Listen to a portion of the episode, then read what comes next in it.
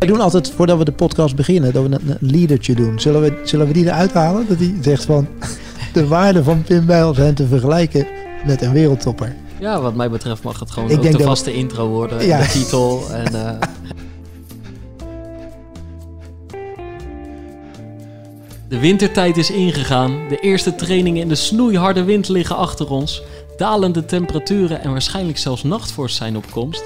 Ja, de winter die gaat beginnen en wij blijven uiteraard hardlopen en jullie ook. Maar hoe doe je dat in de winter? Verschilt het daadwerkelijk zoveel als in de zomer?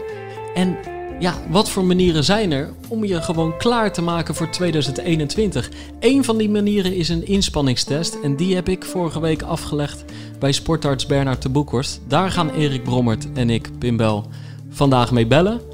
En eh, ja, Erik, laten we maar gewoon meteen van start gaan. Anders moet ik deze intro namelijk nog een keer opnieuw opnemen. Ja, je hebt hem pas vier keer gedaan deze keer? Of, eh? Ik moet zeggen, in het, het, leek, het leek wel onze eerste aflevering. Toen, toen, eh, toen deed ik hem vanaf een briefje en toen moest het tien keer, eh, tien keer opnieuw, weet je wel, een jaar geleden. Maar nu, eh, nu doe ik hem meestal freewheelend en dan staat hier in één of twee takes op. Maar dit was even ouderwets struggelen. Ja, want ja, de, de, de, de luisteraars die zien dat niet. Maar ik zie hier al 5 minuten 37 op de teller staan. En, nou wij ja, voor jullie zijn we pas een minuutje bezig. Dus, Ja, hey, En wij altijd maar trots vertellen dat we in één takers aan het werken zijn. ja? Ja, ja, ja, ja, ja. Maar soms, soms is het net eventjes, eh, soms is het net even anders. Soms, Maar- soms is het net een moeilijke duurloop, zo'n podcast. Ja, Weet je wel, een ja. beetje eh, horten, stoten, zwoegen. Ja, ja, maar het hoeft helemaal niet zo moeilijk. Nee joh, gaan, vanaf nu, vanaf nu zit er een stijgende lijn in en kan Daarom. het alleen maar beter gaan, Erik. en we gaan het over het weer hebben. Nou ja, dit, een basale onderwerp kan er niet zijn, toch? Nee, inderdaad. Hey, eh, om, om, om mee te beginnen. De winter, die gaat beginnen. Ja, we, hadden het er net eigenlijk over. Is de winter al begonnen? Nou ja, het lijkt nog een beetje herfst, maar hè, we zitten in de wintertijd. Maar het is een beetje voor ons het moment, dachten we, om terug te blikken en vooruit te blikken. Terug te kijken en vooruit te blikken. Als jij nou terugkijkt, Erik, wat is dit voor seizoen voor jou geweest? Ja, dit is het eh, seizoen van de herintreding van mij als, eh, als, als hardloper voor Ja, mij geweest. Je Ja, bent er zeker. weer. Zeker, ja, ik ben er weer. Ja, ja, ja. Je, je hebt weer Ja. regelmatig een startnummer op. Ja, ik heb weer regelmatig een startnummer op. Ik kwam gisteren, eh, gisteren hebben we een testloopje gedaan van 10 kilometer. En ik kwam na afloop kwam ik wat, wat, wat trainingsmaatjes tegen waar ik eh, af en toe mee, eh, mee loop. En daar kreeg ik van een van die hier jongens, heb ik vanmorgen meegelopen, kreeg ik te horen van, weet het, eh, zo, die ziet er afgetraind uit. Ja? Ik denk, nou, dat is een goed teken. Ja. Vroeger zeiden ze altijd, wat zie je er slecht uit? en dat vond ik altijd, dat pakte ik altijd op als een compliment. Want Ja. dat betekent dat ik in vorm was. Ja. Nu afgetraind, ik denk, nou, die neem ik ook als een compliment. Ja. Dus ehm, het is in ieder geval weer zichtbaar dat, eh, dat ik wat gedaan heb het laatste half jaar. Ja, hey, en eh, ja, een beetje. In, en wat bedoelen ze dan gewoon? Ingevallen wangetjes, mager? Ik, Ja. te- ik teken het snelst in mijn gezicht, dus Ja. daar, zullen ze het, eh, daar zullen ze het aan zien. Ja. Dat, dat sowieso. En vind je dat trouwens. ja, wat vind je daarvan? Zeg maar, kijk, vaak hardlopers vinden het heerlijk om een beetje hun buikspiertjes te zien en ingevallen wangetjes. Maar gewoon de gemiddelde Nederlander vind je gewoon, die, die denkt, nou zou die niet wat meer moeten eten. Ja, maar ik vind het niet zo weg. Nee hoor, Nee, ik, voel me, Nee. ik voel me er goed bij. Ja. Dat, eh, ik denk dat dat het meest, meest belangrijk is. Bij de een zie je het wat sneller dan bij de ander. Maar ik vind het, eh, Ik weet, ik vind het helemaal prima. Ik heb er geen moeite mee. een collega en vriend van mijn vader, Piet Kruidenier. Volgens mij Nederlands kampioen plus vijf, hè, in zo'n mastercategorie op de Ja. triathlon bijvoorbeeld. Ja. Echt een... eh, Kan enorm hard fietsen. Ja, heel, heel fanatieke. En ook, ook een trouwe loper van marathons. Eh, die, die, die schreef ooit in, in een stuk, in een verhaal... want eh, hij maakt altijd wedstrijdverslagen van zijn, van zijn sportavonturen... dat hij voordat hij het startvak inging... dan klapte hij zijn tong dubbel in zijn mond... en dan zoog hij een beetje naar binnen...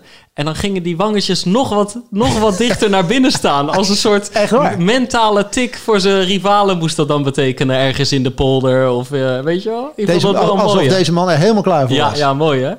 Ja. Hey, maar gisteren had je geen startnummer op, want het was een onderling testje. Ja. Maar het- een 10 kilometer, hoe ging die? Een 10 kilometer, ja, was, was wel leuk. Want ik vind, je moet, je moet toch weer eh, met, met alle nieuwe maatregelen... moet er toch weer op een creatieve manier eh, gedacht worden... over hoe je die, eh, zeg maar, toch af en toe eens even kan kijken hoe je ervoor staat. Dus we hebben met, met de club hebben een 10 kilometer testwedstrijdje gedaan. We hebben een, een parcours gepakt, in dit geval van de, van de Maastad lopen. Een wedstrijd die gewoon jaarlijks gelopen wordt.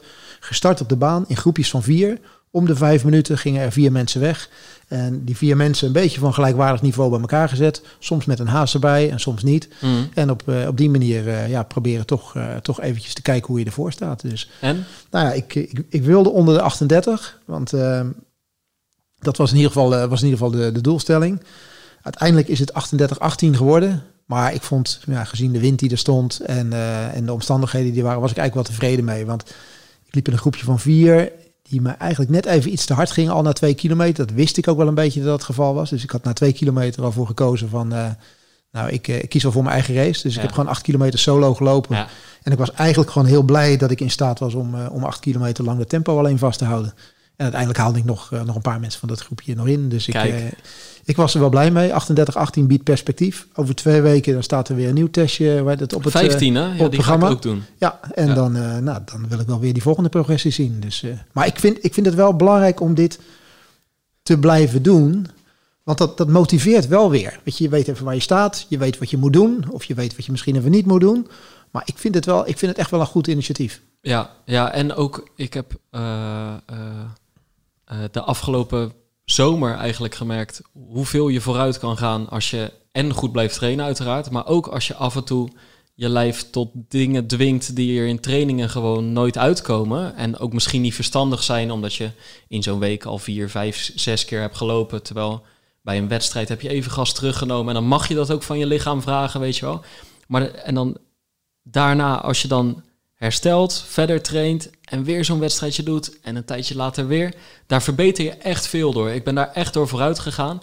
En dan zou het zonde zijn, nu die kalender weer is leeggeveegd door corona, om daar ineens mee te stoppen. Ja, Dus, hè, dus eh, eh, eh, ergens is het wel goed. Ik, ik wa- was een beetje al met mijn handen in het haar, zo van wanneer moet ik een keer pauze gaan nemen? Want er bleven maar mooie wedstrijden op die kalender komen. Nou, die zijn er nu uit. Nou, nu gaan we nu inderdaad, die van gisteren heb ik dan niet gedaan, waar jij aan mee hebt gedaan. Over twee weken zou, zouden heel veel mensen in het land, en ik dus ook, die Zevenheuvelenloop doen. Nou ja, die gaat helaas niet door, maar dan gaan we op die dag wel zelf een mooie 15 proberen Ja. te lopen. Ja, en ik, ik vind het, het is, het is toch wel, als je, als je, we hebben het over, we moeten een beetje terugblikken. Hè? Het, het is toch wel bijzonder als we, als we nu kijken met, met, met de blik terug, dat wij hadden in januari of februari toch helemaal niet kunnen bedenken dat we, en, en helemaal jij, want je hebt toch wel behoorlijk wat wedstrijden gedaan, Ja. met trainingsmaatjes, in klein verband of Ja. wat dan ook, of achter gesloten deuren. Dat als je in januari zou zeggen dat jouw wedstrijdseizoen eruit had gezien zoals nu, dan had iedereen je toch voor gek verklaard. Mm.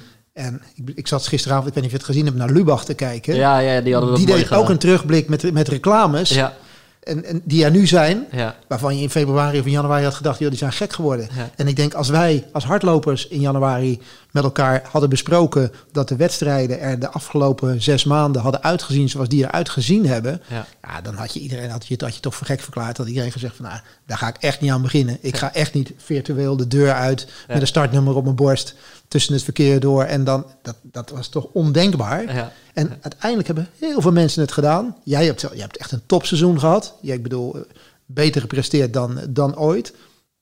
Ik moet het maar zien of je dat misschien in, het, eh, in, een- in, een, eh, in een seizoen met, met wedstrijden normaal... of je ook wel zo ver had gekomen. Had misschien ook wel anders kunnen lopen. Maar Nou, het was heel anders gegaan, want nog even over Lubach trouwens. Ja. Ik, die gedachte had ik al een keer gehad van wat als je nou gewoon een jaar lang in coma had gelegen of zo en je wordt wakker Nou. en, je, en je, je, je slaat de, of ja, je, je, lo- je loopt door het centrum van de stad en je loopt tegen zo'n gigantisch geel bord aan.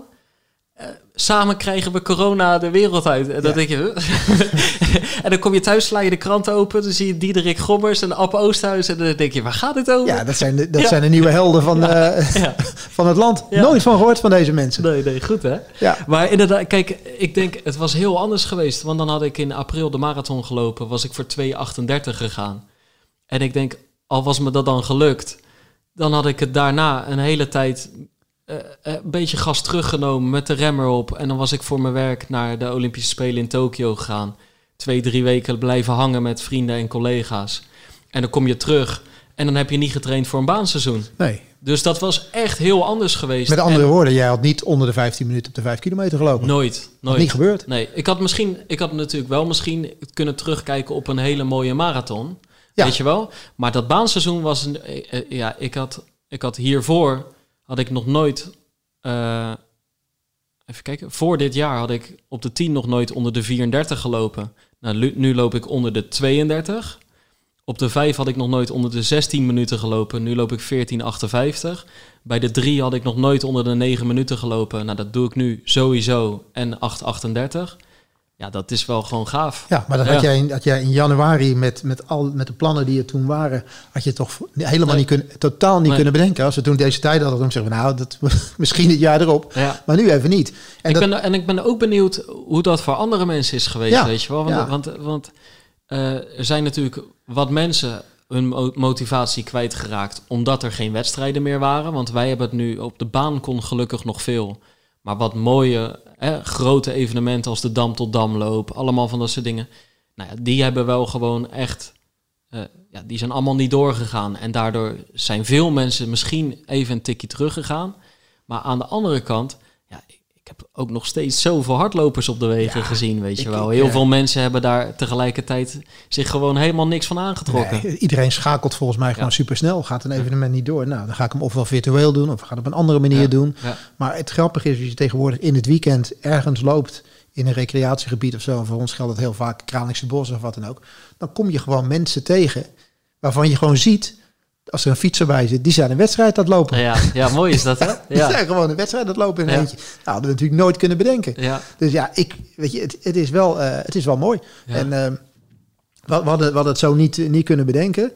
Maar eh, ja, dat is wel wat er gebeurd is. En ik denk dat niet alleen wij, maar andere mensen ook hun grenzen verlegd hebben op een manier zoals ze dat van tevoren niet, niet hadden kunnen, kunnen bedenken. En eh, nou, het heeft er toch voor gezorgd dat zonder dat al die evenementen zijn doorgegaan, dat het toch voor heel veel mensen heel mooi hardloop voorjaar en zomer is geweest. ja, ja. Alleen ja, dat Ja. is voorbij. Ja, dat is voorbij. Ja, het, maar het, is, het heeft bij mij wel, het is bij mij echt wel een heel bijzonder hardloopjaar geweest. Want ik, ik had wel al echt de smaak te pakken. Want wij gingen met de groep naar Portugal op trainingskamp, waar ook topsporters naartoe gaan. Eh, eh, ik was in een jaar tijd, had ik zeg maar de progressie gemaakt van 4,5 uur met mijn vader een marathon vol kunnen houden naar voor 2,38 willen gaan. Eh, ik had die, eh, die lamp en met die, weet je wel, de- Ja, dat dit, het slaap, de slaaplampje waar jij Slaapla- mee ik, bedoel, ik Ja, was er al. ik- ja, ja, maar ik was er al echt, echt mee bezig. Maar dit baanseizoen in combinatie, kijk, toen kwam corona. Eh, kreeg ik last van klachten aan mijn armen en mijn pols met typen. Dus ben ik veel, veel minder gaan werken. Het was echt zwaar kloten. Gelukkig ligt dat nu redelijk achter me, lijkt, lijkt het. Maar daardoor kon ik ontzettend veel hardlopen, want van mijn benen had ik geen last. En al die reizen vervielen, omdat gewoon het sporten op stil stond en mijn werken nagenoeg op stil stond. En het hardlopen ging gelukkig wel. En daardoor heb ik wel qua hardlopen echt wel dingen ontdekt, weet je wel. Ook, ook qua gewoon potentie. Want, want onder de 15 minuten, ja, dat, daar had ik helemaal nog niet over nagedacht. Voor dit, daar had ik een half jaar geleden helemaal niet over nagedacht. Nee, en, en daarnaast wat, je, wat, het, eh, wat, het, wat het je brengt, is, is dat het je misschien alleen nog maar nieuwsgieriger heeft, eh, heeft gemaakt over hoe je lijf in elkaar zit. Ja, Want eh, je, je, je hebt heel hard gelopen, maar tegelijkertijd eh, ben je ook al aan het nadenken van nou, hoe moet het, hoe moet het beter, hoe moet het verder? En Ja. wat, moet ik nog meer, wat moet ik nog meer doen? Ja, want ik heb ook wat, nou, had ik daar in het verleden ook wel een handje van. Bijvoorbeeld in 2015 heb ik me toen klaargestoomd voor de marathon. Toen was ik 23. Mhm. Even het uitgaansleven ingestapt. Maar dan was ik wel iemand die gelijk ook vijf boeken aan het verslinden was. En dat, had ik, en dat heb ik nu tot in het extreme door. Ja, ik probeer er gewoon echt een soort studie van te maken.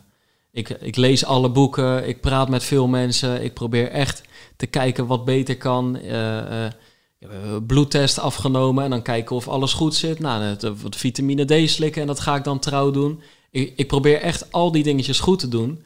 Maar dan op een gegeven moment, nou, eigenlijk elke week ben je ook weer aan het kijken van wat zit er nog meer in. En je, daar moet je natuurlijk niet te veel haast mee hebben. Maar daar hoort een soort lange termijn planning bij. En, en eh, eh, ja, ik ben nu aan een enorm lange monoloog bezig. Maar wat was je vraag eigenlijk? Of je opmerking? Nou, weet je waar, waar ik eigenlijk... Zo van, waar- wat zit er nog meer in? Ja, wat zit er nog meer in, Ja, daar En- ben ik inderdaad wel heel nieuwsgierig naar. En dat is ook een van de redenen, daar komen we zo op waarom ik die inspanningstest heb laten doen. Maar dat is ook een van de dingen. Kijk, eh, als je eigenlijk toch, als ik nu terugblik, ben ik pas weer een jaar echt goed aan het trainen. Ja, dit is niet mijn plafond. Er zit gewoon nog veel meer in. En hoeveel meer, dat weet ik niet. Dat zou moeten blijken. En misschien, kijk, zo'n jaar als deze, misschien komt dat wel nooit meer terug. Waarin ik zoveel tijd had, waarin ik zo weinig reisde. Maar uh, uh, uh, ik ben er wel nieuwsgierig naar geworden, ja. En het vuurtje is wel aangewakkerd. En die nieuwsgierigheid, die, die ben jij in eerste instantie gaan zoeken volgens mij door afgelopen week maar eens even een topsport uh, medisch onderzoek te laten, te ja, laten doen. Ja, ik heb vorig jaar heb ik dat in Rotterdam uh, laten doen, inspanningstest op een loopband. Drie jaar geleden ook een keer bij de organisatie van de Marathon van Rotterdam op uitnodiging. Um, hey, ja, het ziet er nogal futuristisch uit, weet je wel. Je gaat met een onbloot bovenlijf op een loopband staan. En er worden tig draadjes en zuignapjes aan je lichaam bevestigd. En je krijgt dus, ik kreeg dit keer een soort halve rugzak op. En je wordt al hardlopend fysiek binnenste buiten gekeerd. Het is echt alsof ze met een soort, als het ware met een soort camera gewoon in je lichaam gaan, weet je wel. En, uh, lettend op je hartslag, de mate van verzuring. Ze kunnen gewoon zien wat er met, nou in dit geval mijn lijf gebeurt als ik aan het hardlopen ben. Dat begint dan op 13 km per uur. Dat gaat na 3 minuten naar 14, 15, 16, 17, 18. Uiteindelijk wordt het maximaal, weet je wel. Echt een half minuutje op 20, op 21. Ik kwam uiteindelijk tot 22 per uur. Uiteindelijk, je staat maar 24 minuten op zo'n loopband.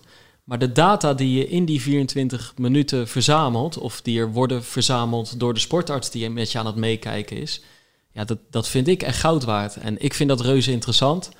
Maar het, het, het, het is denk ik voor veel mensen interessant. Moeten we die, die sportarts niet eens eventjes gewoon uh, gaan vragen hoe interessant hij het vond om, om jou daar te hebben? Goed plan. Waar dat plafond van je ligt. Goed plan. Laten we bellen ja. met Bernard de Boekhorst, uh, sportarts in Amersfoort. En trouwens, uh, ja, echt een heel goed loper. In het verleden, volgens, nou ja, 800 meter op de baan, 1500 meter op de baan, ook marathons op de weg gelopen. Maar bijvoorbeeld 30,5 minuten op de 10 kilometer als PR. Dus die man weet echt wel, uh, ook van hardlopen weet hij, weet hij genoeg. Denk ik wel een van de belangrijkste voorwaarden als je zo'n test afneemt. Ja. Dat je een klein beetje weet hoe het zelf in elkaar steekt. Zo is het. Laten we hem bellen. Hey, ik ben met uh, Bernard. Hi Bernard. Uh, ik hier inderdaad, hey. maar ook Erik Brommert. Hey Bernard. Oh ja, hoi. Hoi Erik, jij, je, was al, je was al aangekondigd door Tim. Ja, ja, ja, ja, ja. precies, precies. Hey, voor we het over die geweldige inspanningstest van mij uh, hebben, Erik, of, uh, Bernard. Hoe, um, voor, ja, leg eens eigenlijk uit aan de luisteraars uh, wat er precies allemaal gedaan wordt tijdens zo'n inspanningstest. Nou, in feite bij zo'n inspanningstest probeer je eerst iets te schatten of een lijf geschikt is om uh, mee te sporten. En in, uh, eigenlijk in eerste instantie op het gebied van de gezondheid. Dus of het, het hart in staat is om de inspanning te kunnen leveren. Ja. Als je naar het hart kijkt, dan kun je kijken van treden er nou ritmestoornissen op? Of is er een aangeboren aandoening van het hart waardoor je eigenlijk beter niet kunt gaan sporten?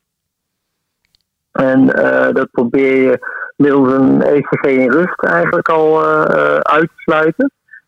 Maar voordat je dat met zekerheid kunt zeggen, moet je het eigenlijk ook in, tijdens de sporten in, inspannen. dus tijdens de sporten eigenlijk ook het ECG maken. En daaruit kun je afleiden of er wel of geen ritmestoornis optreedt. En of er misschien problemen zijn waardoor het ongezond is om te gaan sporten. Ja, precies. En dan inderdaad, voordat de mensen uh, die bij jou komen op de loopband staan, dan worden er ook nog andere dingen gemeten. Uh, bloeddruk, geloof ik, hè? en vetpercentage, gewicht, lengte wordt heel even daarna gemeten. En dan da daarna, ja, begint, daarna begint eigenlijk pas de echte test, hè? Ja, dat klopt. Je begint eigenlijk uh, sowieso met lengte, gewicht te meten, het vetpercentage inderdaad. Ehm, vervolgens ga je de bloeddruk meten. Je gaat naar achter longen luisteren als arts. En dan vervolgens maak je een rust ECG.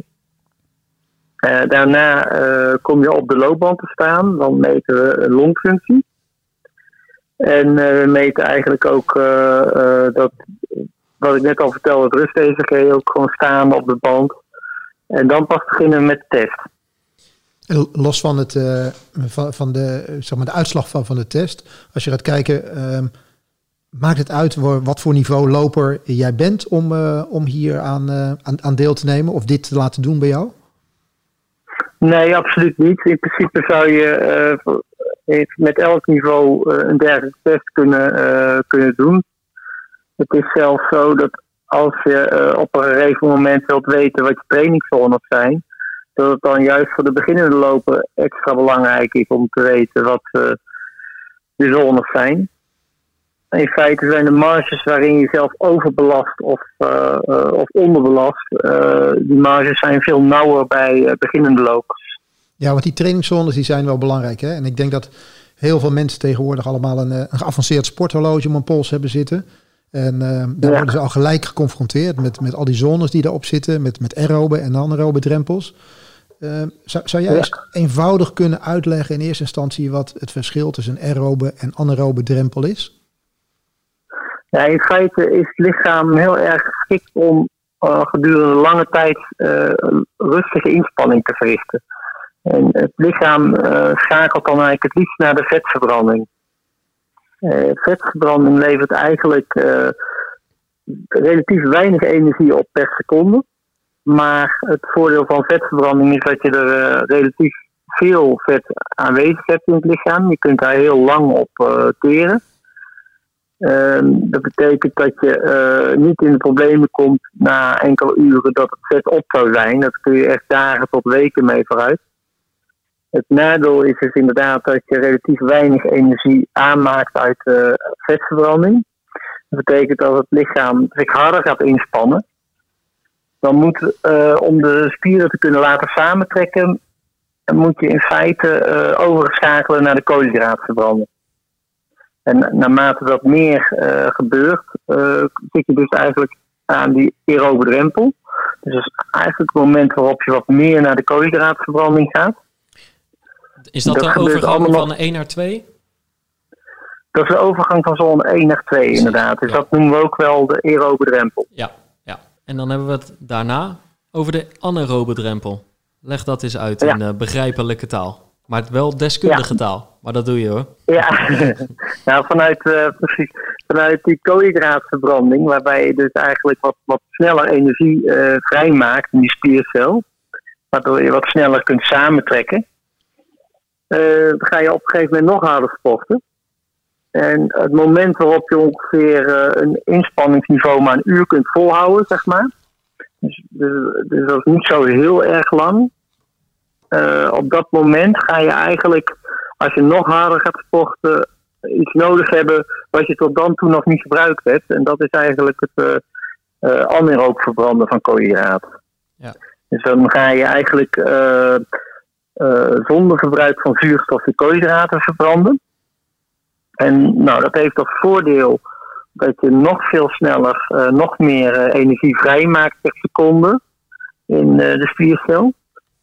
Maar het grote nadeel is dat je er veel meer CO2 bij vrijmaakt. En dat je daardoor ook, ook relatief kort kan volhouden? Of korter? Ja, dat al dat, precies, al dat CO2 wat vrijkomt, maakt je bloed weer zuur. En om te voorkomen dat dat gebeurt, ga je nog veel harder hijgen. En eigenlijk merk je dat echt heel fort. Dat je dan op dat moment eigenlijk geen volzinnen meer kunt praten en vooral aan het hijgen bent. Uh, dan zit je dus boven de andere drempel. En als we dit, dit dan uh, vertalen naar, uh, naar de praktijk in die test, dan, dan om dit te kunnen bepalen, doe je dat eigenlijk in de vorm van een, een progressieve snelheidstest? Ja, klopt. Wat wij doen in het SMA is een ademgasanalyse. Dus wat je doet is dat per drie minuten wordt het tempo van de band verhoogd met een kilometer per uur. En tegelijkertijd meten we de zuurstofopname in de spieren, maar ook de koolzuurafgifte. En uh, daarnaast meten we ook hoeveel liter lucht je eigenlijk ademt aan de mond. Ja. En op grond daarvan kunnen we dus inderdaad zien dat je inderdaad harder gaat hijgen om uh, uh, meer koolzuur af te blazen. En, en wat kun je nou, want ik weet het eigenlijk al hoor, maar wat kun je met die data? Want jij bepaalt dan eigenlijk um, aan de hand van hartslag waar iemand zijn zones uh, zich bevinden. Hè? Dus zone 1, zone 2, zone 3, zone 4, zone 5. Plus die twee drempels, de aerobe drempel en de anaerobe drempel. Wat kun je daar precies mee? Nou, in feite kun je door inderdaad die aerobe drempel en anaerobe drempel de zones dus echt indelen. Die vijf zones die je net noemt. Uh, en het is natuurlijk uh, een beetje arbitrair. Hè? Je kunt zeggen van waarom, waarom zijn het maar vijf zones? Waarom niet veel minder of niet veel meer? Mm. Nou, het is een kwestie van afspraak. Uh, wat je in ieder geval wel kunt zeggen is dat als je op een bepaalde manier wil trainen, voor een marathon bijvoorbeeld, dan zul je een aantal trainingen echt in het hele rustige gebied moeten doen. Dat noemen we dan zone 1. Uh, zodat je eigenlijk de vetverbranding echt stimuleert. Um, al op het moment dat de vetverbranding niet goed gestimuleerd is, dan zul je dus na een, een uur of anderhalf à twee hebben dat de koolhydraatvoorraad uitgeput is. Ja. En uh, dat betekent dat je ook echt terugvalt op vetverbranding. En dan haal je bijvoorbeeld nog maar 60% van de tijd, uh, die, of 60% van de snelheid die je haalt terwijl je de marathon aan het lopen was. Dus dat betekent dat je ook echt in elkaar uh, kunt klappen qua tempo. Dus je wil eigenlijk hebben dat uh, de vetverbranding goed getraind is. En daarvoor moet je uh, voldoende van je training uit afleveren of uitvoeren in zone 1. Eigenlijk geldt dat voor alle lopers, Bernard, toch eigenlijk? Want ja. eigenlijk om overbelasting te, te voorkomen, maar dus ook gewoon heel, heel prestatiegericht om gewoon die basis te vergroten en die vetverbranding te trainen? Ja, wat ik, wat ik eigenlijk altijd zeg is dat de uh, snellere trainingen kun je eigenlijk alleen maar goed verwerken als je voldoende uh, ook in het rustige gebied getraind hebt. Zodat je goed uitrust van uh, die, die pittige training. En die uit, uitrusten is er niet alleen in echt rusten, maar vooral ook in rustige training.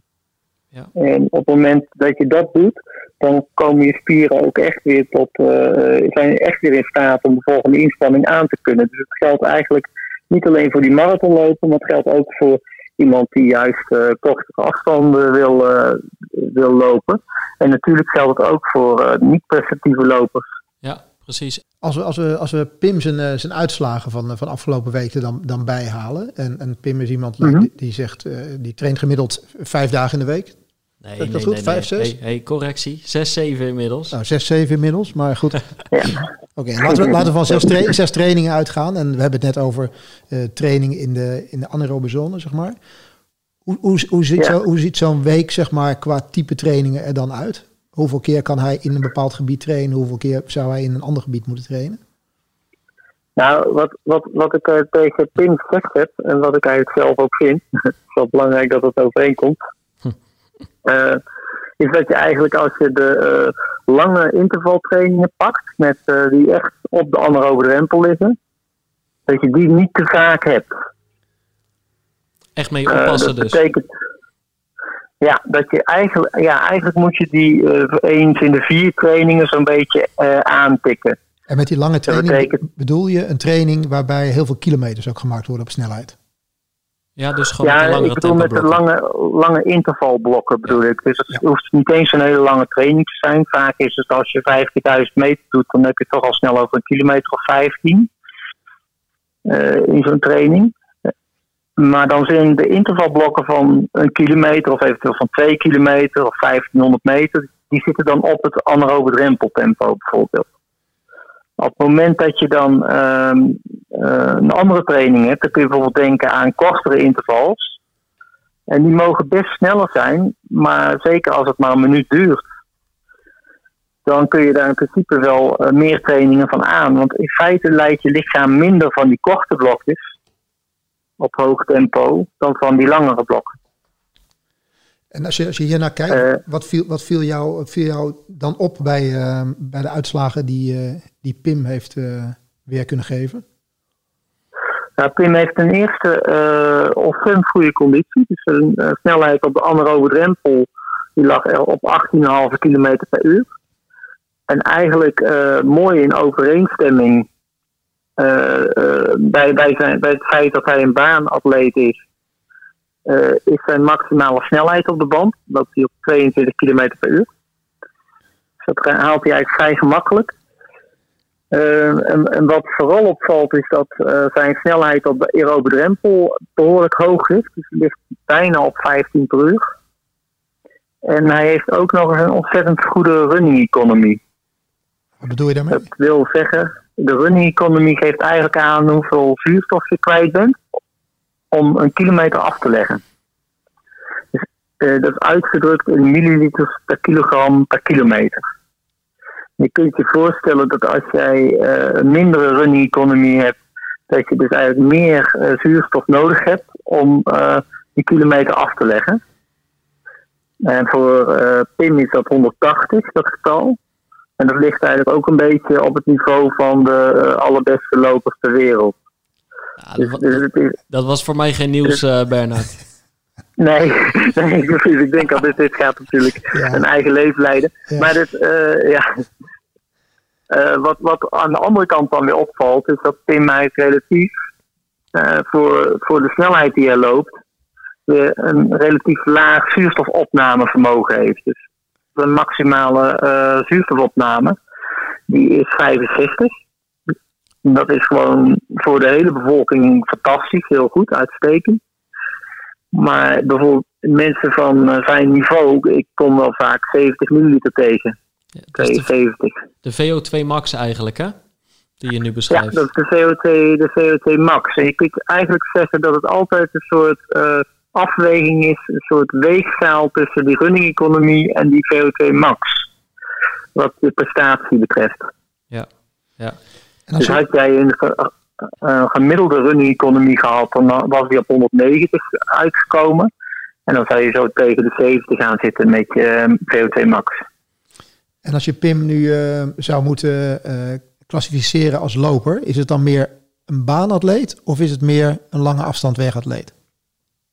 ja, gezien deze uh, eigenschappen met die running economy uh, en, en zijn hoge snelheid op de aerobe drempel, relatief hoog, zeg ik van ja, het is eigenlijk vooral een, een marathonloper. Ja, daar was Ondanks ik, het feit dat... Ja, daar was ik heel blij mee om dat te horen. Ja, ja dat, dat begreep ik al, want het was ook je doel uiteindelijk, die marathon. Ja, dus, ja. dus dat komt goed uit. Hey, maar dat kun je dus aan de hand van die app, want dat is eigenlijk wel razend interessant. Hè? Je hebt iemand, nou ja, nog niet eens een half uur op de loopband eigenlijk, maar ja, wel aan allerlei snoeren en zuignappen en, en met, een gas, met een masker op, uh, uh, mm-hmm. kun je iemand zo ja, fysiek bu binnenste buiten uh, keren eigenlijk, als het ware, dat je iemand zijn krachten in kan schatten uh, op veel langere afstanden en over veel langere duren en ook een soort uh, potentie van iemand kan proberen te ontdekken. Dat is wel, uh, dat is wel heel ja. interessant. Ja, nou kijk, die running economie is voor een deel echt aanleg. Hè? Dus dat is, dat, dat is inderdaad gewoon wat je kunt meten. en dat zal ook niet zozeer afhankelijk zijn van alleen maar van training. Hm. Het is mede afhankelijk van de training. Dus je kunt ook zeggen dat deze uitslag eruit komt Terwijl je eigenlijk vooral met, uh, uh, met korte afstanden, met baanafstanden bezig bent. Ja, ja. Hey, dus, dus ik denk. Nee, sorry, ga maar verder. Dus ik, ja, ik denk dat die 22 per uur die jij loopt op de band uiteindelijk, dat dat uh, ook een weerslag is van wat je ook gewend bent te doen. Mm. en mij valt op dat die running economie en dergelijke en ook die hoge aerobe drempelsnelheid, zal toch echt ook wel te maken hebben met aanleg. Ja, ik vind het wel heel veel complimenten in ieder geval voor hem. Maar als ik hem zo aankijk hier. Maar die, die aanleg die moet zich dan ook wel vertalen in een, uh, in een resultaat als het ware. Toen wij een jaar geleden de podcast, ja. de podcast begonnen, toen, uh, toen was de doelstelling van Pim om die marathon onder de 2 uur 40 te lopen. We zijn nu, uh, ja. nu bijna een jaar verder. jij hebt de test vorige week bij hem afgenomen. Um, naar aanleiding mm-hmm. van die test, als je nu zou moeten zeggen, waar, waar, waar zou zijn doel moeten liggen als hij bij wijze van spreken in het voorjaar uh, een marathon zou gaan lopen? Afgelopen donderdag hebben we die test gedaan. Hè? Dus, misschien moet je dit even, ik weet niet of ja, dit ja. erin moet. Maar uh, in ieder geval, ik heb het toen met Pim over gehad. Van ja, eigenlijk zou je ergens hoog in zone 2 de uh, marathon kunnen lopen. En als ik dat kijk naar En- wat ik hier zie staan, is dat rond de 17 km per uur. Ja, klopt. Dus eigenlijk zit je dan toch al op, eh, nu al op 2,28 of zo. Maar dan, dan ga je eigenlijk ook nog een beetje uit van iemand met een wat minder goede eh aerobe vermogens. En misschien ook eh, een lagere aerobe drempelsnelheid. Dus ja, ik denk dat eigenlijk eh 2,27, 2,26 echt wel eh, tot de mogelijkheden behoort. En, en dat ma dan maakt het voor jou niet uit of het een wel of niet ervaren marathonloper is. Eh, nee, eerst niet, zeker niet. Eigenlijk, want eh, je moet er ook vanuit gaan dat iemand nog 14 weken heeft om die marathon te gaan voorbereiden. Dus dan ga je er ook wel vanuit dat iemand net eh voldoende duur traint om dat ook aan te kunnen. En hoe vaak zie jij de theorie ook eh, daadwerkelijk uitrollen in, in de praktijk? Dus hoe vaak eh, eh, schat jij iemand zijn krachten in?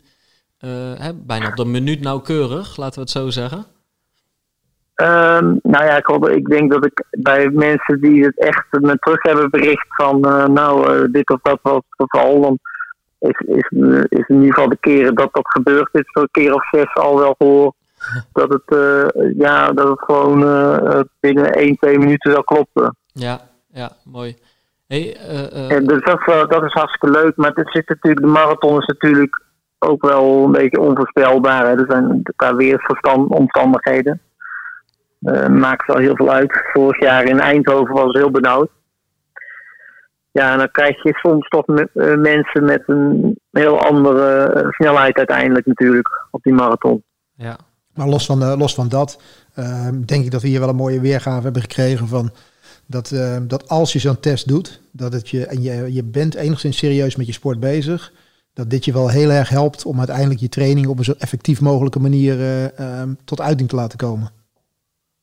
Ja, het, het punt is natuurlijk wel dat ik, ik stel eigenlijk objectieve maatstaven vast. Veel trainers kunnen daar heel veel mee. Eh, als, je, als je denkt, ik, eh, hoeveel van die trainingen mag ik nou aan in welke zone? Dat is heel eh, ehm, wisselend, want dan mag je ook je eigen visie op ontwikkelen als trainer. Eigenlijk is daar ook geen keiharde waarheid in. Alleen zie je vaak wel dat eh, als je het allemaal in die zone snelheden indeelt, dat het toch al wel heel dicht bij elkaar uitkomt. Wat de trainer ook aanbiedt, in welke vorm dan ook. Dus eh, wat dat betreft kun je er heel veel mee. En nou, nou is dit natuurlijk een, eh, een momentopname van de, van de huidige vorm, zeg maar. In dit geval dan bij, eh, bij Pim. Ehm, Ja. Dat, dat kan over een, over een half jaar zou dat zomaar weer anders kunnen zijn. Ja, ja zeker. Ik, ik denk eigenlijk als je kijkt naar hoe snel het kan veranderen, dan kan het in feite al met vier maanden anders zijn natuurlijk. Want met name qua snelheid. Ehm, qua hartfrequentie eh, hangt het er nogal vanaf. Als je ziek geweest bent of je hebt de hele periode niks gedaan, dan ligt die hartslag in één keer hoger in de zones. Waarschijnlijk ook een beetje voor een deel uitgerust bent. Ehm, als je juist heel hard traint en je bent goed doorgegaan, dan kan de hartslag juist ook wel iets lager liggen, omdat het hart wat meer capaciteit heeft gekregen, dus wat groter wordt. Dus minder vaak hoeft te slaan. Ja, ja. En nou, Dus, dus, dus eh, is het dan best wel eh, lastig om te zeggen van god, die hartslagen zijn altijd te gebruiken. Dat hangt namelijk ook erg af van de warmte. Als het erg warm is, gaat er ook veel bloed naar de huid. Dat betekent dat de hartslagen ook weer hoger liggen. Eh, dus ik raad eigenlijk altijd aan om de snelheid te volgen. En als je nou sneller geworden bent op een 10 kilometer bijvoorbeeld, of op een 15 kilometer, dan kun je eigenlijk herberekenen waar je drempelsnelheid ligt. En nou, nou kost zo'n test meestal een beetje tussen de, laten we zeggen, 250 euro en de 320, zoiets. Meestal bij de meeste eh, instanties die dit aanbieden. Eh, mochten mensen dat geld ervoor over hebben, dan, dan is het bijvoorbeeld zo'n elk jaar één keer zo'n test of één keer in de anderhalf jaar. Dat, dat is op zich hartstikke goed, toch? Als je dat, in de, hè, als je dat geld hebt en het ervoor over hebt. Ja, kijk, het punt is, ja, bij ons kost een eh, test 220 euro als een anaerobe drempelsnelheidstest is. Hmm. Als het een volledig sportmedisch onderzoek is, een topsportmedisch onderzoek, zo noemen wij dat dan, er zit ook een orthopedisch onderzoek bij, daar zit eigenlijk alles in. Precies. Ja, dan, dan zit je inderdaad uh, aan uh, 300 euro. Ehm, wat, wat betreft hoe vaak zou je het moeten doen? Als je het doet voor de check-up in verband met uh, eventuele aandoeningen van het hart of de longen, dan zeg je van ja, één keer per twee jaar is uh, voldoende of één keer per drie jaar. Als je zegt ik wil trainingsinformatie hebben en, en je hebt het geld voor over, dan zou je het jaarlijks kunnen doen. Ja, ja, ik wil ook zeggen, ik doe het één keer in de twee jaar, want ik, ik heb nu een uh, verzekeringspakket dat het niet goed toestaat. Ja, dan, uh, dan zou ik misschien beter één keer in de twee jaar kunnen doen. Ja. Nou, ik denk dat ik gewoon weer over een jaartje bij je terugkom, uh, Bernard, na alle mooie woorden. Ja, ik, uh, ja, ik let natuurlijk wel op wat ik zeg. Hè. Ja. ja daarna maak je geen zorgen, ik, ik toets die prestaties wel even daarnaast. Ja, heel goed. Ja, ik wil ook graag gewoon op mijn vingers getikt worden als het niet klopt. Dus dat betreft, uh, ja. Hey, we houden contact, uh, Bernard. Dankjewel voor, uh, ja, ik zou bijna willen zeggen voor het college.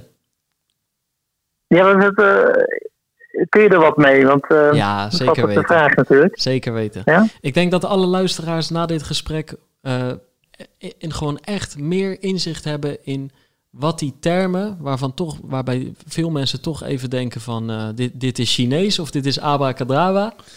Dat lukte me Mhm. net ook al niet, hè? Nee, dat woord kon je, dus daar heb je je moeite Maar mee. Je moet gewoon lekker bij het lopen Gewoon anaerobe drempel, aerobe drempel, hartslag, weet je wel. Gewoon, ik denk dat ze even net wat meer inzicht erin hebben gekregen. Dankjewel, Bernard.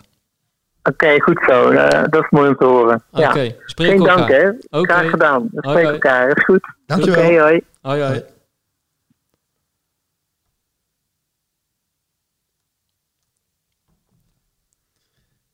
Ja, Nou. ik ben weer even wat, eh, eh, wat rechterop in mijn stoel gaan zitten, Erik. Dat Ja, begrijp je natuurlijk wel. Man wordt hier even bedolven onder de complimenten.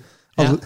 Waardes van wereldniveau hoor ik, eh, hoor Ja, ik voorbij ja. komen. Hey, het was, ik stapte die loopband af en eh, maar je bent, je bent, kijk, eh, uiteindelijk omdat ze ook die VO2 max willen bepalen, wordt het een maximaal test. In het begin sta, ben je echt nog hartstikke co- comfortabel aan het lopen, maar dan na 20 minuten, na 18 minuten, na 20 minuten, dan wordt het echt beuken en dan wordt het gewoon, ja, in een, laten we, laten we eerlijk zijn, in een soort doktersruimte, een vrij oninspirerende ruimte, moet je alles geven. Dus dat is echt best wel moeilijk.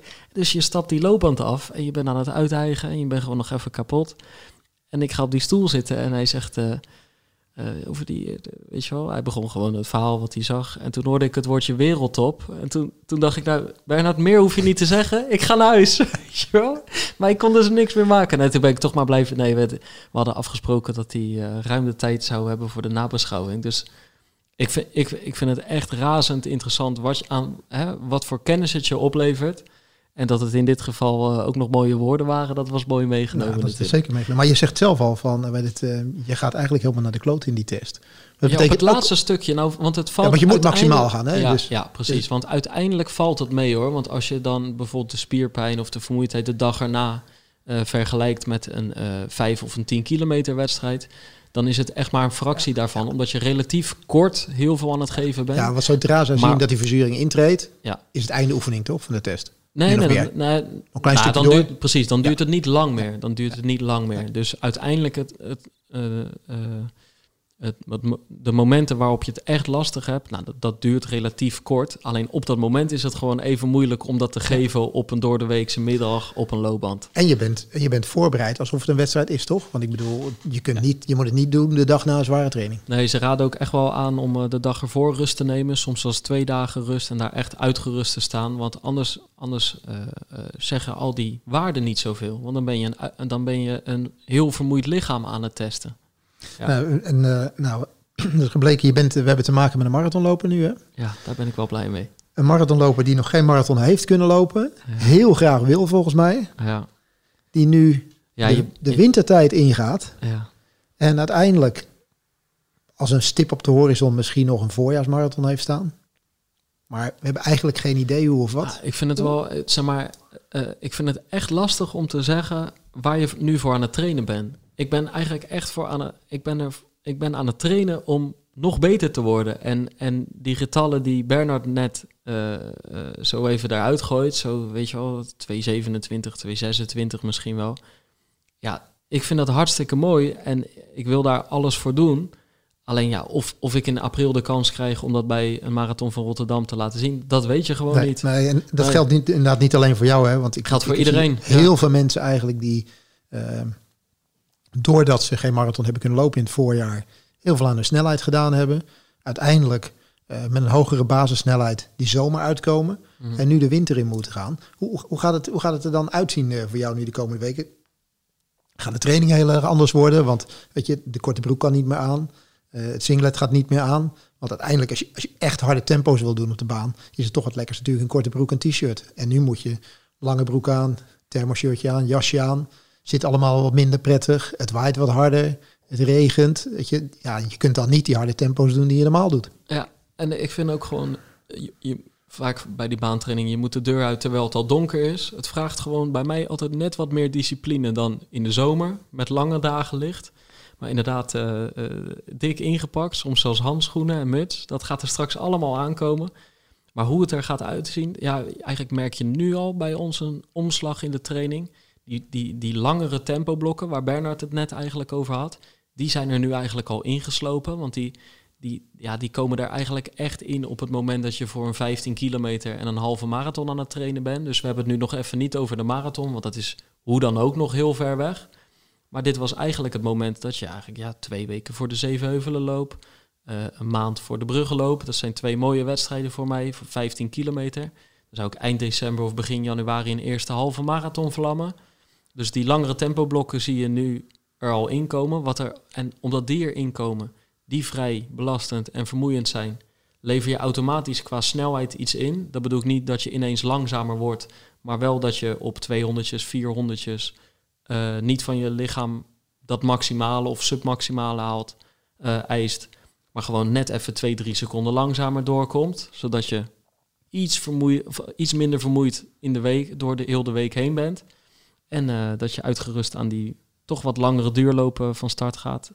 En, eh, dus dat zie je nu al gebeuren. En ja, dat zal de komende maanden alleen nog maar uitgebouwd worden. Ik vond het altijd een fijne periode hoor, die er nu aankwam. Ja, ik, ik, ik Eindelijk, eindelijk was ik dan verlost van die baan. langer. Ja, Ja, ja, precies. Ja. Was ik verlost van die baan waar ik zo'n bloedhekel aan had, omdat het altijd maar hard ging, hard ging, hard ging. En ik gewoon geen pu echte pure snelheid had. En dan gewoon naar het najaar toe. Langere tempo's, weet je wel. Geen, geen één of twee minuutjes, die doe je natuurlijk nog wel. Maar we gaan weer eens een keertje eh, drie keer 3000 doen. Of we gaan vier keer 2000 doen. of- mooie trainingen. dat zijn mooie trainingen. En die kan je eigenlijk op ieder niveau kan je die doen. Hè? Want ik bedoel, wij hebben het hier over. En dan zullen mensen wel denken, ja, jullie lullen makkelijk. Want het gaat alleen maar over snelheid en alles. Maar ook als jij gewoon niet harder loopt dan 12 km per uur. Kan jij ook gewoon zeggen van, ik doe mijn duurloop van anderhalf uur. En in die anderhalf uur doe ik eh, vier keer twee kilometer wat sneller. En of dat dan van 10 naar 11 km per uur gaat. Of van 10 naar 12 km per uur. ja, Dan heeft dat wel degelijk effect. ja. En, eh, En als je niet zo met die meters bezig bent, het kan natuurlijk ook gewoon eh, vier keer zes minuten zijn. Of drie keer tien minuten. Of eh, eh, ehm, eh, begin, zeg maar, stel je deelt je training in, in drie delen in. Een rustig beginstuk, een wat minder comfortabel middenstuk en een, en een rustig eh, eh, derde stuk. En dan heb je ook, ben je ook een beetje al een beetje met de tempo, tempo hardheid aan het spelen Ja, eigenlijk. ja, want daarom ga, ga er creatief mee om ook. Als, je, als jij niet aangesloten bent bij een club en je, en je wil dit soort trainingen doen. Er zijn zoveel verschillende manieren om het te bedenken. En daarnaast, weet je, op, op ieder horloge tegenwoordig ook een hartslagmeter. Dus je kunt er bijvoorbeeld ook voor kiezen van, ik versnel een kilometer. En ik begin pas weer met de volgende versnelling van die kilometer als mijn hartslag terug is naar, bij wijze van spreken, 130. Ja, En dan ik voor iedereen is voor iedereen natuurlijk verschillend. Hè? Maakt niet uit, maar je gaat dan wel zien dat Ja. als jij bijvoorbeeld zes of zeven keer duizend meter doet, dat de eerste keer dat je na die duizend meter weer gaat beginnen, dat dat waarschijnlijk anderhalve minuut heeft geduurd, want je bent nog enigszins uitgerust. Maar als je na vijf keer moet wachten tot die hartslag of moet dribbelen tot die hartslag 130 is, kan misschien wel 2,5 minuut duren. Ja. Maar dat betekent wel dat je iedere keer als je dus gaat beginnen aan die duizend meter, dat je weet dat je met een goede herstelhartslag bent begonnen. En uiteindelijk daardoor kwalitatief goed snelheidsmomenten in kunt, eh, kunt zetten. Dus eh, je kunt vaste momenten uitzoeken van een kilometer snel met zoveel minuten herstel. Maar je kunt het ook doen op basis van hartslag. Ja. Hey, en ik, ik moet eerlijk zeggen, ik ben dus echt die, die mooi weerloper. Alhoewel ik in de winter gewoon ook elke dag aan het hardlopen ben. Maar toch, en ik kreeg er iets meer zin in door die ene aflevering met Ernest van der Kwast. Want die kon zo mooi Ja. vertellen over het hardlopen in de winter. Ik heb het daar nog met mijn moeder over gehad, over knisperende winter en etherisch licht. En ik denk, nou, laat die winter maar komen. Ik vind, het, ik vind het ook lekker en ik heb er ook geen moeite mee. Maar, en het maakt me ook allemaal niet uit wat er tijdens mijn training gebeurt. Het enige wat ik wel waardeloos vind, als ik moet gaan beginnen en het regent al gelijk. Ja. Dan heb ik zoiets, als het waait en regent en ik moet er dan gelijk in. Als het me onderweg gebeurt, maakt me eigenlijk allemaal geen zak uit. ja, gek is dat dan eigenlijk. Hè? Want En als het een wedstrijd maakt is, maakt me ook niet uit. Nee, Maar die, die, die training die je dan moet gaan beginnen, of s morgens of s'avonds, s'avonds als je naar de club gaat. Dan ben je, heb je gewerkt tot zes uur. Om zeven uur moet je gaan starten met de auto er naartoe. Ga je er naartoe, stap je uit, stromende regen. ja. Wind, dan moet je in, in die regen en die wind moet je je warming-up gaan doen. En dan je tempotraining nog gaan doen. Ik moet je eerlijk zeggen, aan het einde van mijn eh, periode dat ik niet meer zo fanatiek was, sloeg ik er wel eens eentje over. over, ja, ik denk, nou ik, eh, ik vind het wel mooi. Ja, maar eigenlijk, ja, prima. Terwijl, maar, maar ook, het zit allemaal tussen de oren. Want het gekke is, ik vind het, ik vind het eigenlijk best wel lekker om, om te lopen in de regen. Dus met die wetenschap is het eigenlijk best wel raar dat je toch jezelf naar buiten moet schoppen als je uit het raam kijkt en regen ziet. Terwijl ik weet, want ik weet dat ik lopen in de regen lekker vind. Dus het is een soort rare, rare tegenstelling. Ja, je ziet gewoon, je ziet ook, an- je gaat ook andere groepen mensen weer buiten zien nu. Hè? Er, er, zijn- er mensen die afhaken, er zijn mensen die niet afhaken. Ik zie het wel eens bij mij in de winkel. Dat mensen zeggen van ik heb het koud, ik moet een jakje hebben. En dan ga ik het over moet het winddicht zijn moet het regendicht zijn? Dan zeggen ze, nou, regendicht maakt niet uit, want dan ga ik toch niet naar buiten als het regent. Dus eh, nou, weet je, dat is wel makkelijk, valt het al gelijk af. Ja. Weet je, dus ja, je, ziet nu echt de diehards, zie je.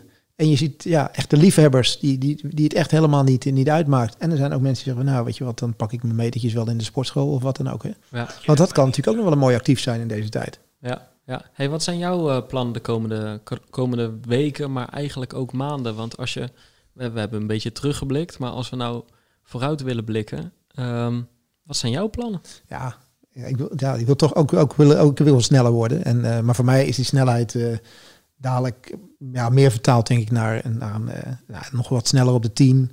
Een goede 15 lopen. Het is jammer dat ja, de bruggenlopen zullen we af moeten wachten. Maar laten we even vanuit gaan dat dat hem niet gaat, gaat worden. Maar dan, dan simuleren we wel een 15 kilometer denk ik met, met de club.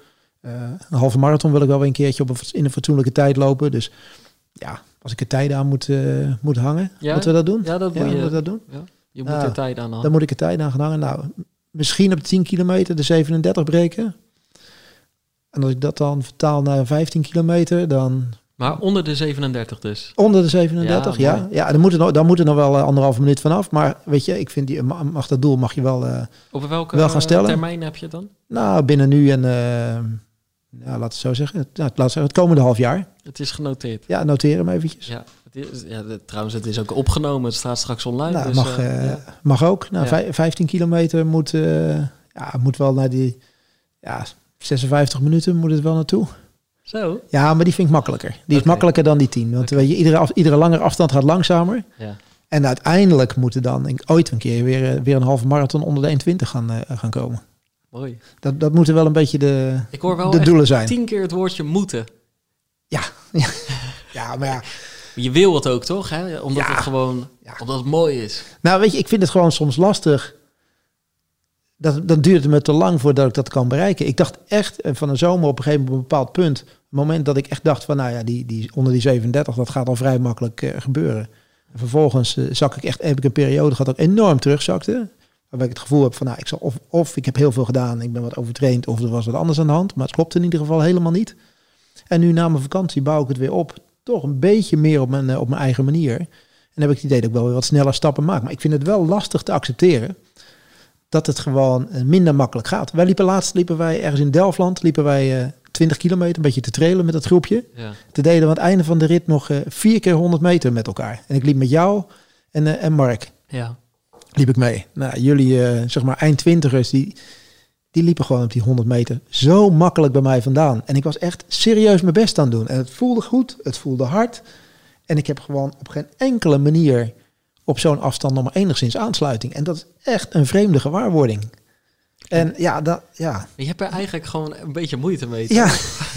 ja, het is gewoon jammer dat dat Maar- gewoon niet meer zo... Maar Iedereen wordt ouder, Erik. ja, dat is, dat, is ook wel, dat is ook wel zo. Maar dan, eh, ja, dan nog is het, is het vreemd om te zien dat als je eh, te, zien en te voelen dat als je een inspanning geeft, net bijvoorbeeld gisteren heb ik die 10 kilometer gelopen, doe ik serieus mijn best. En om, dat, om dan te zien dat er dan een eindtijd staat, die, en, en verder maakt het niet, niet uit, maar dat, dan een eind, dat er dan een eindtijd staat waar je voor je gevoel net zoveel voor gedaan hebt als in de tijd dat je onder de 31 liep op de 10 kilometer. Ja.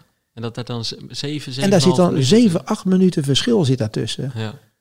En ja, dat, Maar dan zie je Dat eigenlijk echt dat het gewoon bijna een ander lijf is ja, dat, je toch? li- ja, dat lijf echt anders is. Ja. En wat helemaal wel grappig was, ik ging gisteren uitlopen met, eh, met, met, met Edwin, jonge jongen die, eh, die niet zo, nog niet zo lang eigenlijk aan, aan het trainen is, bij jullie in de groep loopt.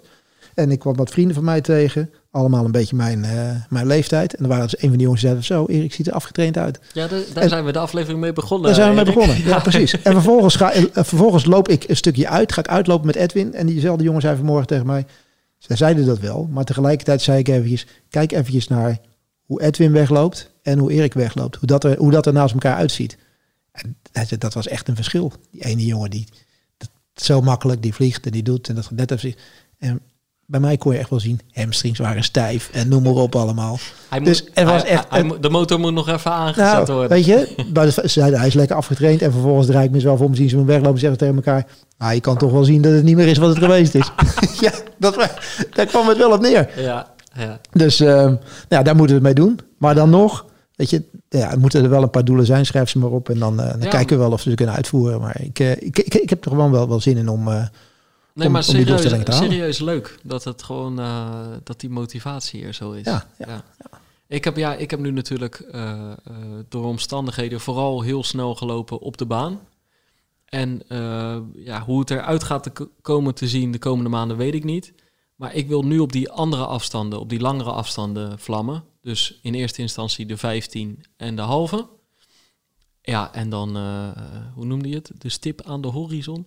Ja, nee, nee, Ze ik- noemen het al anderhalf jaar. Ik, dus. ik, ik, ik, ik, ik hoop op een marathon in april. Eh, mocht die niet doorgaan, dan ga ik heel erg twijfelen of we dat dan misschien individueel of in groepsverband toch gaan doen. Maar kijk, uiteindelijk kom ik mijn bed uit voor heel veel dingen, maar ook voor de marathon. Maar eerst ga ik lekker proberen te vlammen op de 15 en de halve. En bij de 15 zit ik eigenlijk zo. Ik, ik hoop misschien. Ik weet niet of dat de eerste keer gaat lukken, maar ik hoop onder de 48 te lopen eh, de komende maanden. En, en op de halve, eerlijk gezegd, eh, weet ik nu niet zo goed welk getal ik daarop moet eh, plakken, omdat ik er nog niet echt over heb nagedacht. nou ja, weet je, als je 48 kan lopen, dan moet je ook 1 uur 8 op een halve marathon kunnen lopen. Dus. Ja, nou dan wil ik onder de 1 uur 8 lopen. Ja, rond, ja 1 uur ne- onder de 1,9, 1,8 moet, het, moet je dat wel kunnen. En andere, we hebben de cijfers van Bernard hebben we, hebben we erbij. Ja, Dus die, eh, als we daar een vertaalslag in maken, dan klopt dat wel een klein beetje. ja. Nou Dus, ja, kijk. ja, we gaan het zien. Ja, ja, ja. Ik, ben, ik ben, in elk geval was het wel weer. Kijk, ik bedoel, om dat woordje wereldtop, daar moest ik gewoon om gniffelen. Eh, ik wil het wel nog een paar keer herhalen. Maar nee, maar het is gewoon wel. Het is echt tof om inzicht te krijgen in die cijfers. En om, een, so- om in elk geval toch een soort relatieve buitenstaander, maar wel een heel deskundig iemand. Om die eigenlijk als het ware een soort ja, jouw potentie te laten beschrijven. En dat, dat, zorgt, dat zorgt wel weer voor extra motivatie of zo. Nou, en, en, En ik denk- en, en een, dik, een dikke glimlach op je gezicht. Ja, Want, nee, dat weet je, zullen we, zullen we anders, wij denk- doen altijd, voordat we de podcast beginnen, dat we een, een leadertje doen. Zullen we, zullen we die eruit halen? Dat die zegt van, de waarde van Pim Bijl zijn te vergelijken met een wereldtopper. Ja, wat mij betreft mag het gewoon Ik ook denk de we- vaste intro worden. Ja. En de titel en, eh, en de outro. Nee, maar eh, even serieus. Gewoon, eh, het is een paar honderd euro. Het kost een paar honderd euro. Je hoeft dit niet te doen. Maar voor mensen die er eh, bijna elke dag mee bezig zijn, het geld hebben en enorme motivatie voelen. Of, of misschien eh, denken van, ik wil met hardlopen starten of ik ben net begonnen. Maar kan mijn lijf dit Ja, eigenlijk aan? Dus niet, niet heel die competitiegerichte, maar gewoon van kan mijn lijf dit aan? Er zit bijvoorbeeld in de familie ook eh, zitten er hartproblemen of weet je wel. Dan is, dit, dan is het dit wel echt goed om een keer te doen. Daarom, ik denk niet dat je iedere dag met je sport bezig moet hoeven te, te zijn om dit te doen. Dit is echt super interessant om, eh, om, om op deze manier te weten hoe jouw lijf in elkaar steekt. En te zien waar je eventueel toe in staat bent. Dat denk ik ook. Dat denk ik ook. Wat wordt jouw volgende eerste loopje? En over twee weken, dan is het volgende testloopje. En, eh, Ik zag dat het 5 of 10 kilometer was, maar jij zou eventueel 15. 15. Ja, ja. Ik zou zelf eigenlijk liever nog wel een 10 doen eventjes. Oh ja. Voordat die 15 komt. Maar ja, 15 november, zondag. En trainingje? Ehm, morgenavond. Morgenavond een, eh, een, snelheidstraining. En dan, ja, die 10 kilometer zit nog een beetje in de benen. Dus zullen we hem extensief doen eh, morgen maar, denk ik. Ik ga 10 keer 800 doen op de baan, Ja, inderdaad. En ik- dit was ook wel. Ik heb echt twee weken lang last gehad van ja, een bekend hardloperskwaasje, een blaar. Tussen mijn grote teen en die teen die ernaast zit. En ik heb dus twee weken lang, terwijl het, de winter is begonnen, dus langzaamaan koud begint te worden, heb ik op blote voeten gelopen, omdat dat dan beter schijnt te zijn. Zuurstof bij de blaar laten en de wond. Maar elke keer ging dat klote ding weer open. Ik heb op acht verschillende schoenen gelopen. Ik ben op teenslippers naar Friesland gereden. Het was wel weer dat je je soms afvraagt van...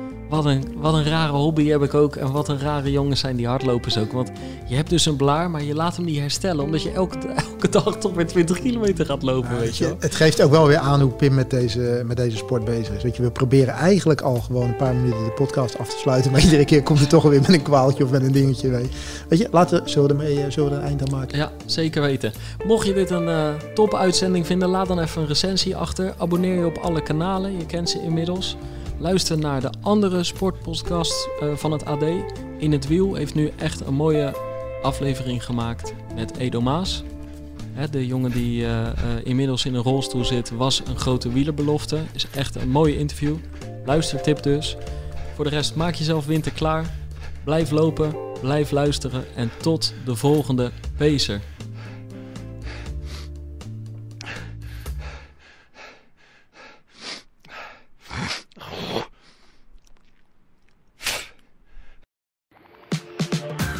Zeggen toch, het leven begint bij 40. Ja, maar wat begint er dan precies? De Nou, weg terug?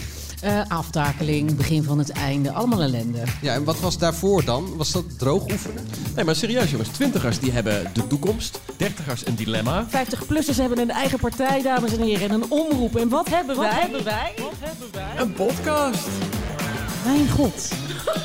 het is echt heel erg. Het is echt heel Dat je het gewoon gedaan hebt. Wat sta ik hier eigenlijk te doen? Ben ik nou een oude lul? Maar dan... Laten we ook stoppen met dat het erg is dat je ouder bent. Ja, en hoe diep je gaat. Dat je Ja. echt...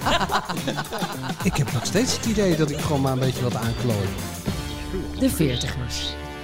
Je vindt deze podcast op onze site en via de bekende podcast-apps.